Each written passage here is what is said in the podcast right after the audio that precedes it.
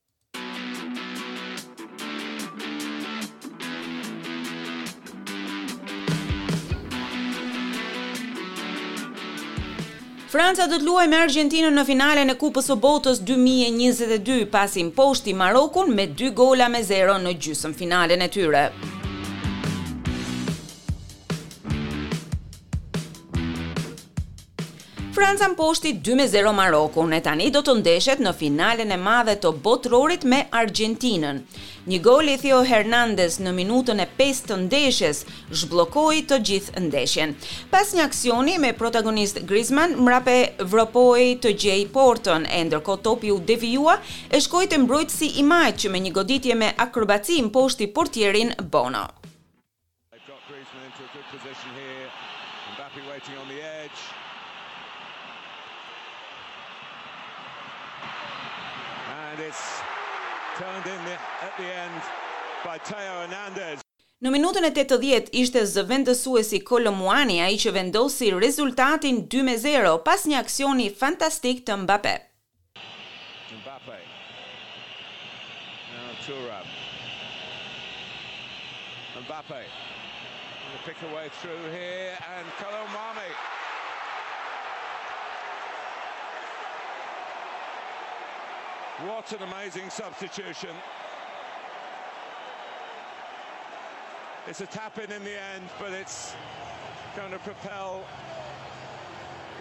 France a lot further than he propelled the ball. It's going to propel them into a World Cup final.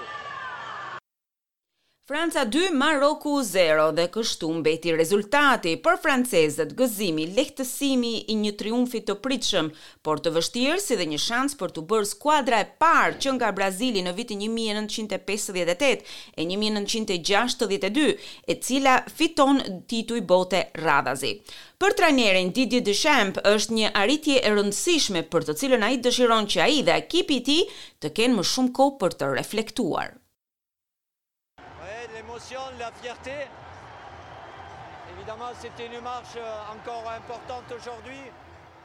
Sigurisht ishte një ndeshje e shkëlqyer dhe kemi dhe një në fund. Natyrisht për lojtarët nuk është e lehtë. Natyrisht do të përpiqemi që t'ia arrijmë sa më shumë që të fitojmë ndeshjen e fundit të kampionatit.